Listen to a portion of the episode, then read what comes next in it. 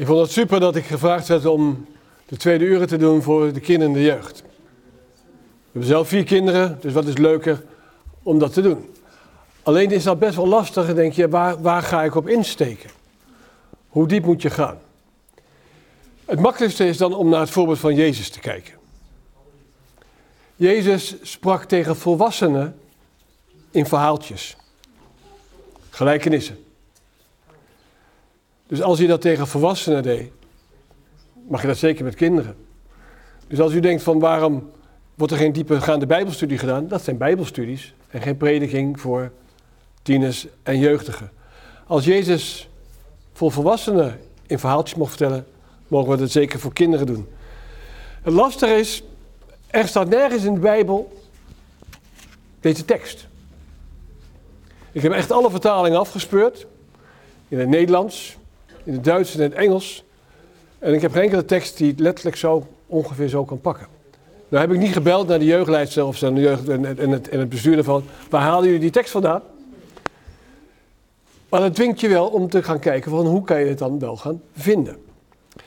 Als je iets niet kan vinden in de realiteit, dan moet je kijken of je het gespiegeld zou kunnen vinden. Nou, daarvoor heb ik de studie maar eens gemaakt. Dus door een gespiegeld beeld te maken van hoe maak je nou Jezus blij, denk ik dat wij als eerste blij moeten zijn. En dan komt het verhaal hier compleet, want een spiegel is namelijk een omgekeerd beeld van de werkelijkheid. Dus op het moment dat wij blij zijn in het geloof, zal Jezus blij zijn. Nou, daar vinden we genoeg teksten over. Dus als u naar de verhaal denkt, ja, het ging toch over een thematiek over hoe we Jezus blij kunnen maken. Waarom heeft u nu iedere keer over hoe wij blij kunnen worden? Omdat Jezus blij is als wij blij zijn. Nou, laten we eerst maar eens kijken wat nou de absolute duidelijkheid is waar Jezus blij om zou worden. En die vinden we in een Bijbeltekst in Ezekiel. Ezekiel 33, vers 11. En ik heb hier wat vrije vertaling genomen, wat nieuwere ook in dit geval, de evangelische Bijbelvertaling, die nog wat vrijer gemaakt. Daar staat in Ezekiel 33, vers 11, ik zal blij zijn als de boosdoener zich van zijn weg bekeert en leeft. Nou, dat is een mooi, mooi basisprincipe. Alleen, wie is nou een boosdoener? Als ik dan vraag wie is hier een boosdoener, is het niet spontaan dat iedereen zijn hand omhoog steekt. Ik ben een boosdoener. Ja, in de oude vertaling zou daar zondag gestaan hebben. En dan echt erkent iedereen, ja, ik ben een zondaar. De een is groter zelfs dan de ander. En Paulus noemt zich de grootste zondaar van allemaal. Dus wie zijn wij om ons daar beter te achten? Niet voor niks staat er het verkeersbord bij. Dit is een aanduidingsbord. Dat is wat anders dan een gebodsbod. Je mag omkeren. Dat is toegestaan. En dat is het mooie van bekering ook. Je kan niet tegen iemand zeggen, je moet je bekeren. Probeer het maar als pedagogische ouders tegen je kinderen zeggen, je moet gehoorzamen. Nou, dat heb ik vaak genoeg gezegd, dat hielp alleen niet. Je kan ze wel proberen te overtuigen van gehoorzaamheid en wat het oplevert. Met bekering is het net zo. Letterlijk dat je omkeert in deze wereld, dat je blij gaat worden. Maar als je het blij hebt, dan denk je ook van onder welke omstandigheden ben ik dan blij? Nou is het heel makkelijk met dit weer wat we vandaag de dag hebben. Het regent niet. Het is geen natte sneeuw. Het is gewoon mooi weer. En met mooi weer zijn de mensen meestal wat blijer, wat vrolijker. Niet voor niets zijn de meer zuidelijk georiënteerde types die uit de zuidelijke landen komen, blijer dan de noordelijke types. Die altijd met wat regen en koud te maken hebben. Maar wat is de wereld om ons heen? Als je naar de huidige ellende van deze wereld kijkt, dan weet ik niet of jullie allemaal goed het nieuws volgen. Ik doe dat wel. Dan zie je ineens overal overstromingen terechtkomen waar ik nog nooit van gehoord had dat daar zoveel regen kon vallen. Ik wist niet dat het in Griekenland zo hard kon regenen. Ik ben twee keer in Griekenland geweest. Ik heb nooit een druppel regen gezien. En nu is het dusdanig dat er veertien mensen zijn gestorven. Dat is ellende. Ik heb zelf geen oorlog meegemaakt. Maar de Oekraïne-oorlog duurt al anderhalf jaar. En iedere dag word ik er nog steeds verdrietig van. Omdat daar mensen om wat elkaar doodmaken. Nou, als je dat weet en je naar om kijkt, dan denk je: oké, daar kan ik niet blij om worden. Maar je kan er ook op een blik naar kijken. Wat betekent nou deze ellende in de wereld? En als we dan de profetieën erbij pakken, weten we dat het alleen maar erger gaat worden en nog slechter. Dat de klimaatverandering niet een toeval is. Uiteindelijk dat het allemaal de profetieën zijn die Jezus gegeven heeft. En we weten als het gaat gebeuren dat Jezus gauw weer komt. En daar worden we blij van. Tenminste, ik wel, van dat weten. Dus hoe je er naar kijkt, bepaalt heel veel. Het makkelijkste voorbeeld kan ik even in twee weermannen doen. De ouderen onder ons herkennen de man van rechts. Heet Erwin Krol. En de andere man is meneer Gerrit Hiemstra. Beide zijn meteoroloog. Nou doe ik allebei tekort als ik over hem vertel, maar het gaat mij om het onderscheid. Meneer Hiemstra die rechts hier staat, zijn met het blauwe pak. Die was serieuze man. Uh, ja, dat is een wat ernstige man. Gewoon wat ernstig, zo praat hij ook. Dus het is niet allemaal ellende, maar bij hem wordt het gewoon mooi weer. Erwin Krol, je ziet het aan zijn hele uitstraling. Hij komt al tien jaar overigens niet meer, eh, presenteert het nieuws, hij is met pensioen. Die ziet overal altijd plezier in. Als het regent is het namelijk typisch Hollands weer. En als het waait, dan kan je lekker hard op de fiets gaan. Als je voor de wind uitgaat. Dus zo bracht hij het weer. Dus zijn blik van het weer was altijd dat het mooi was. Dus als Erwin Krol vertelde dat het hard ging regenen, dan denk je, oh leuk, gaan naar buiten. Hoe kijk je naar de werkelijkheid? Dus de ellende in deze wereld is op zich ellende. Regen word je nat van. Maar zoals ik al laatst hoorde ook iemand, ik ben niet van suiker. Dus je wordt wel nat, maar je smelt er niet van. Het andere wat je ervan kan leren is, van juist van meteorologen is. Als de knopjes aan de, aan de bomen komen, en welk jaargetijde gaat dan beginnen? Niet de winter, maar wel het voorjaar. Dus als de tekenen van de tijd zich aandienen, zoals Jezus zegt, kijk naar wat er buiten gebeurt, dan weet je dat Jezus gauw weer komt en daar word je blij van. We gaan de tekst lezen uit uh, Filippenzen, waar geen vraag gesteld wordt. Paulus schrijft in geïnspireerd door de Heilige Geest het volgende.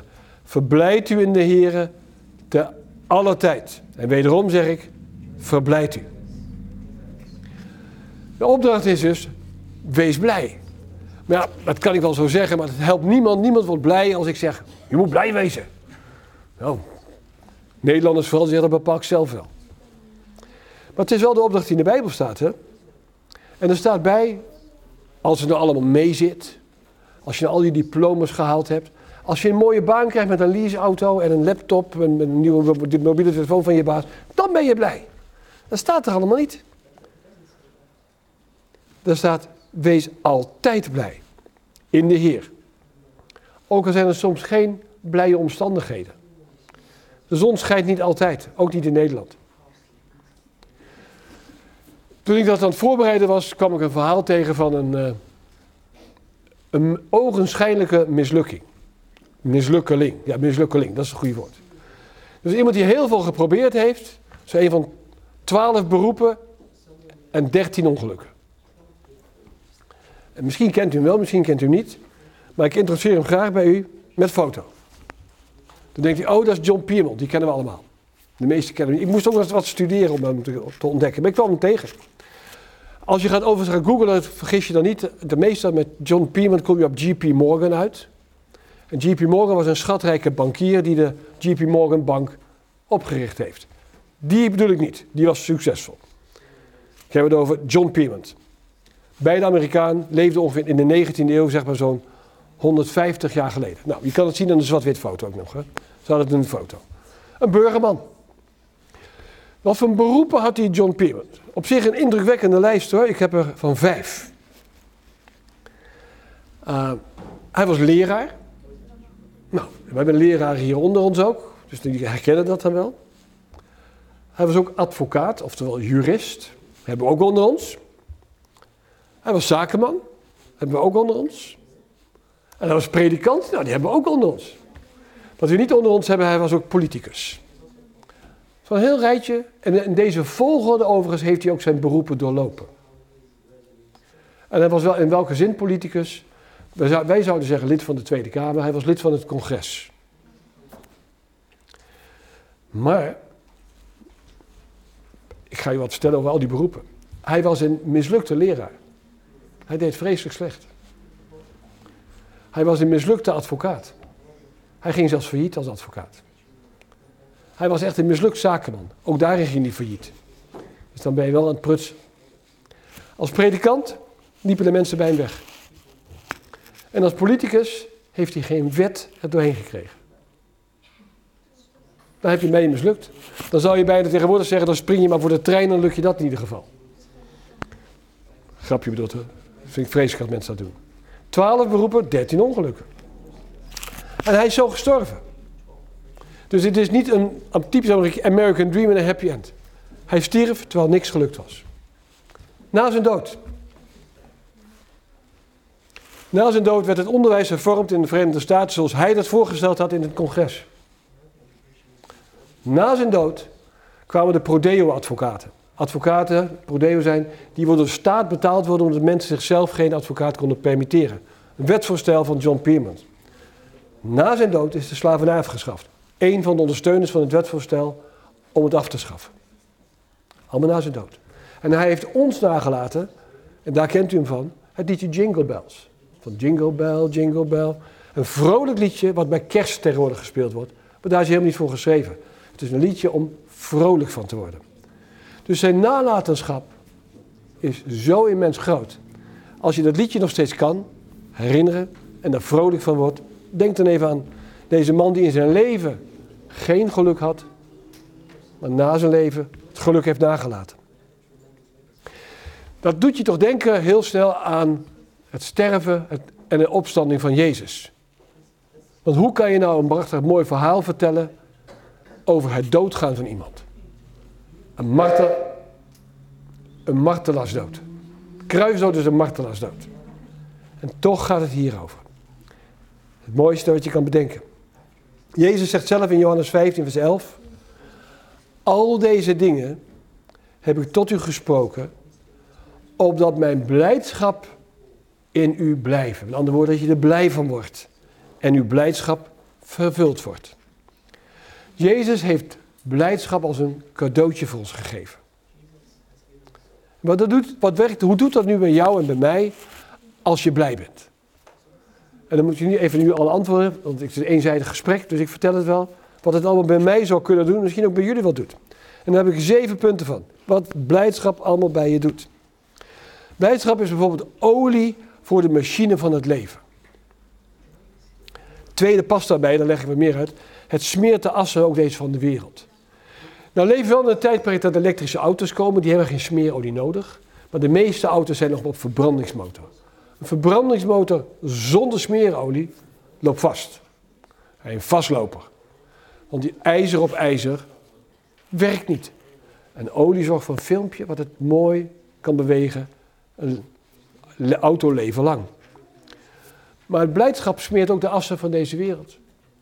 Succesvolle zakenmensen zijn blije mensen. En ik spreek uit ervaring. Ik heb nog nooit een zagrijnige verkoper ontmoet. Dan, gaat hij namelijk, dan wordt hij ontslagen. Blijdschap is een unique selling point. Weet u wat blijdschap ook is? Het is iets waar je niet naar de dokter voor hoeft, maar het is wel een medicijn als je een verwonde ziel hebt. En allemaal zoals we hier in de zaal zitten, of je klein of groot bent, heb je wel verwondingen in je ziel. Je hebt ruzie gehad. Je bent gekwetst. Je bent vernederd. Op allerlei manieren dus. Blijdschap is daar een prachtig medicijn voor. Wat doet blijdschap nog meer? Het droogt alle tranen op. Als je blijft huilen zijn er geen zakdoeken genoeg, maar met blijdschap drogen alle tranen op. Weet je wat nog het leuke is? En dat geldt dan voor mannen en vrouwen, maar ook voor jonge mannen en jonge vrouwen. Het is super aantrekkelijk. Blije mannen en blije vrouwen, wow. Daar word je helemaal gek van. Dan kunnen ze misschien niet het mooiste haar hebben, misschien niet het meest gelijkmatige gezicht of de meest prachtige vormen, maar als ze blij zijn, echt buiten hout blij, dat is de aantrekkingskracht die groot is. En wat ander is, het is zo besmettelijk als wat. Als je oprecht blij bent, besmet je een hele zaal. Moet u maar eens opletten. Mensen gaan, overigens ook zagrijnig is ook besmettelijk. Dat is een beetje het probleem. Dat, maar dat, dat, dat, dat ben je daar bewust van. Want blijdschap is zo besmettelijk als wat. En uiteindelijk vind ik het, ja, blijdschap is natuurlijk de liefde die je kan ronddelen met een glimlach. Ik doe het soms bewust, meestal onbewust. Vreemde mensen die ik tegenkom, geef ik een glimlach. En je merkt vaak dat de meeste mensen dan zeggen, hallo. Het werkt echt. Niet als je het gemaakt doet, maar. Als je dit benoemt, moet je ook de andere kant even benoemen. Wat is het vooral niet? Dit, alles wat ik niet zeg, betekent ook dat je het niet moet gaan doen. Hè? Dus ik meld maar even. Dat soms, mijn kinderen hebben ook wel eens gezegd: Papa, je hebt niet gezegd dat het niet mocht, dus hebben we het gedaan.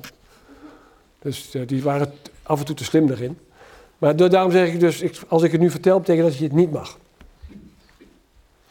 Bijvoorbeeld, wat is christelijke blijdschap niet? Nou, je prachtig de hele dag op je PlayStation of je Xbox zitten.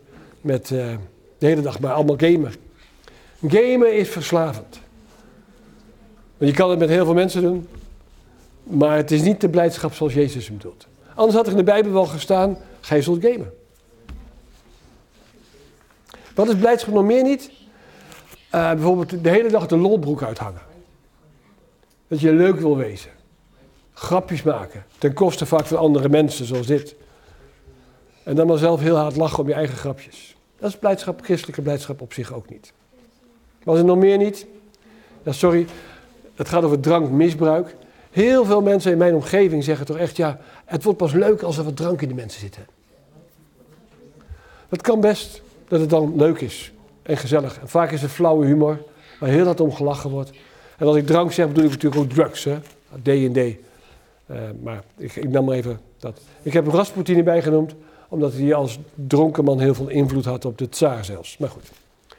Jezus heeft ons gezegd wat ons helpt om blij te zijn. En daar staan deze dingen niet in. Dus Jezus geeft niet aan dat je moet gamen of grapjes moet maken over anderen of moet drinken. Hij benoemt iets anders waar je blij mee kan worden. En dat geheim vertelt hij ons wel. En dat doet hij vlak voordat hij vertrekt. Vlak voor je vertrekt is een soort nalatenschap. Testament zou je kunnen zeggen. En daarna gaat hij naar de hemel. Zijn laatste woorden op deze aarde zijn zijn nalatenschap aan ons. En die lezen we in Matthäus 28, vers 19. Ga dan heen, onderwijs al de volken, dezelfde dopen in de naam des Vaders, des Zoons en van de Heilige Geest. Leer hen onderhouden alles wat ik u geboden heb. Er staat simpelweg zendingswerk dus. En allemaal op je eigen terrein. Niet iedereen is zo goed als zuster Margriet. Ik heb het vaak gezegd, ik ben jaloers op haar talent. Die echt mensen, die, hebben, die vragen gewoon een folder te geven.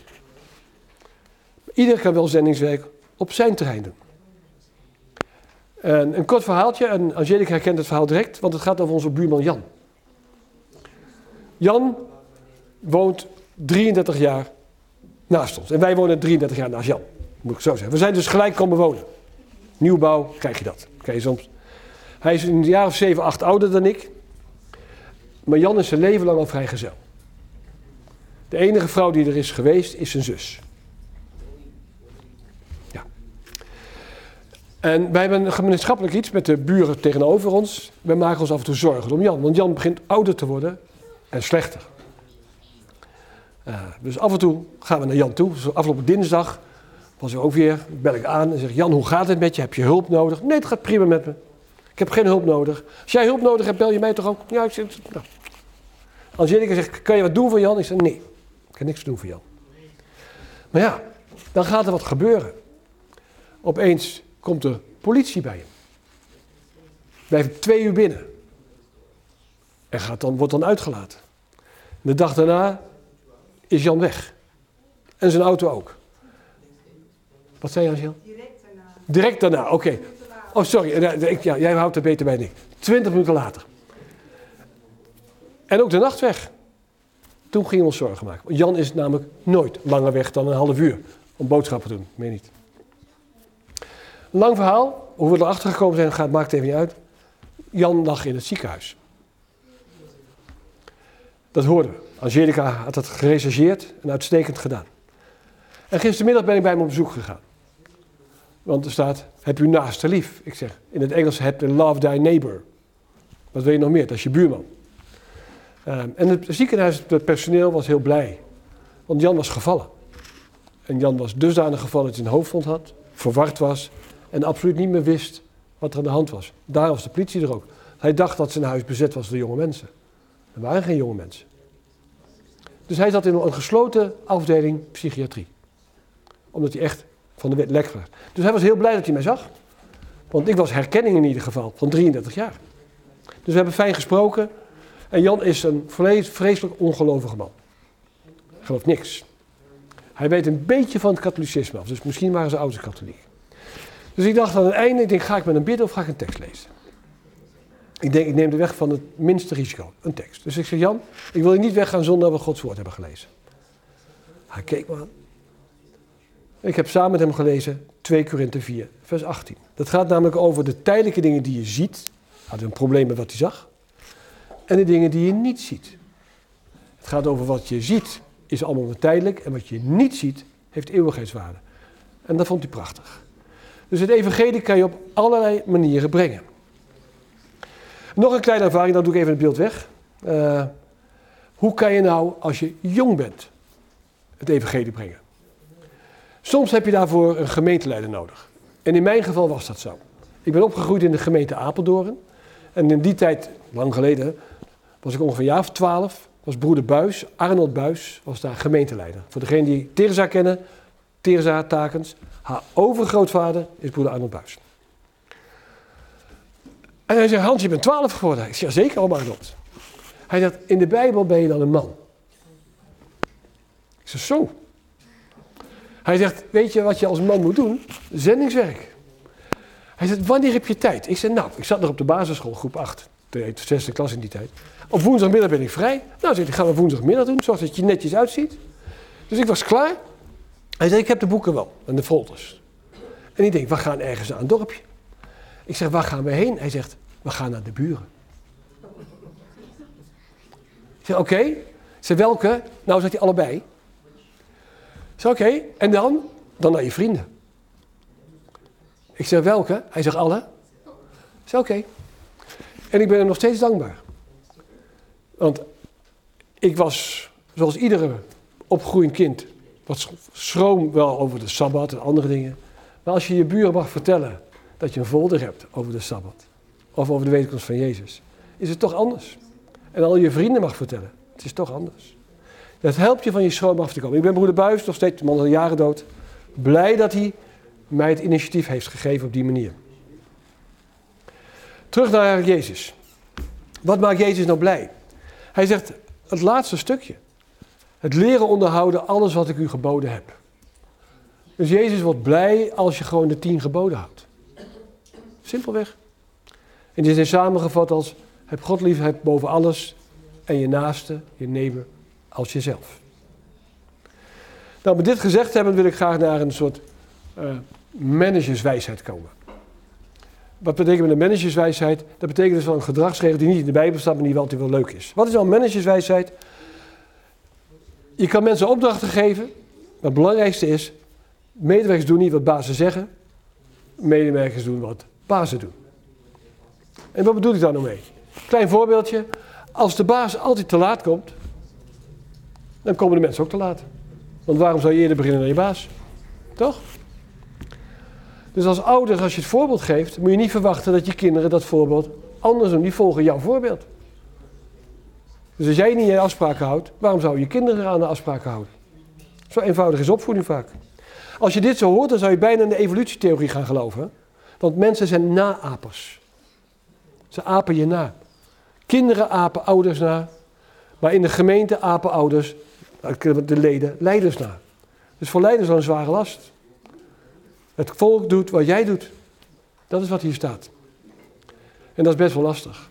Maar ik heb een mooie uitspraak gehad toen ik de opsprak aan de broeder opa Guldenmeester. Arie Guldenmeester. En uh, Edwin zal hem gelijk herkennen aan de uitspraak van zijn vader. Die zei ooit tegen mij, zegt hij, Hans, zegt hij, een christen herken je aan drie dingen. Aan zijn gelaat, aan zijn gepraat en zijn gewaad. De volgende maakt niet zoveel uit. Het rijmt in mooi gelaat, gewaad, gepraat. En als je dat nou weet, dan gaan mensen op je letten en zien en zullen jou daar exact ook als ze willen navolgen.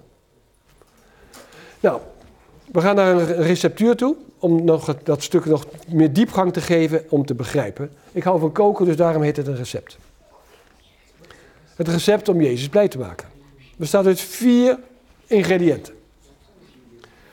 En ik ga me alle vier met je doornemen. Je moet weten dat er van jou gehouden wordt. Het tweede is, accepteer dan gewoon de situatie zoals die is. Het derde, besef dat je iets waardevols hebt. En het vierde, besef dat je iets waardevols geeft. Nou, we gaan eens kijken wat achter deze vier punten allemaal zit. Het eerste is, weet nou dat er van je gehouden wordt. Het is heerlijk zoals de apostel Paulus dat zegt in Galaten 2 vers 20. Die mij heeft liefgehad en zich voor mij heeft prijsgegeven. Is de kern van het evangelie. Jezus houdt van je. Daarom is hij voor jou gestorven. Zodat je eeuwig kunt leven. Nou is eeuwigheid natuurlijk een vreselijk moeilijk begrip. Maar je moet je voorstellen. Je bent vijf jaar oud. Zit je hier. Is David, ik weet niet helemaal zeker, ongeveer.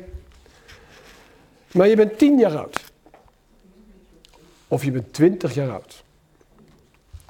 Of je bent Nee, nee, ouder maken we niet. Nee, dat is geen jeugd. Tieners. Tot, tot 19, sorry, tot 19 moet ik tellen. Dus dat betekent als je er vijf bent en je leeft je dubbele leven, dan word je tien. Als je tien wordt en je leeft dubbel zo lang, dan word je 20. 15, 30 en 19, 38. Ik zal je geheim vertellen, ik ben ouder dan 38.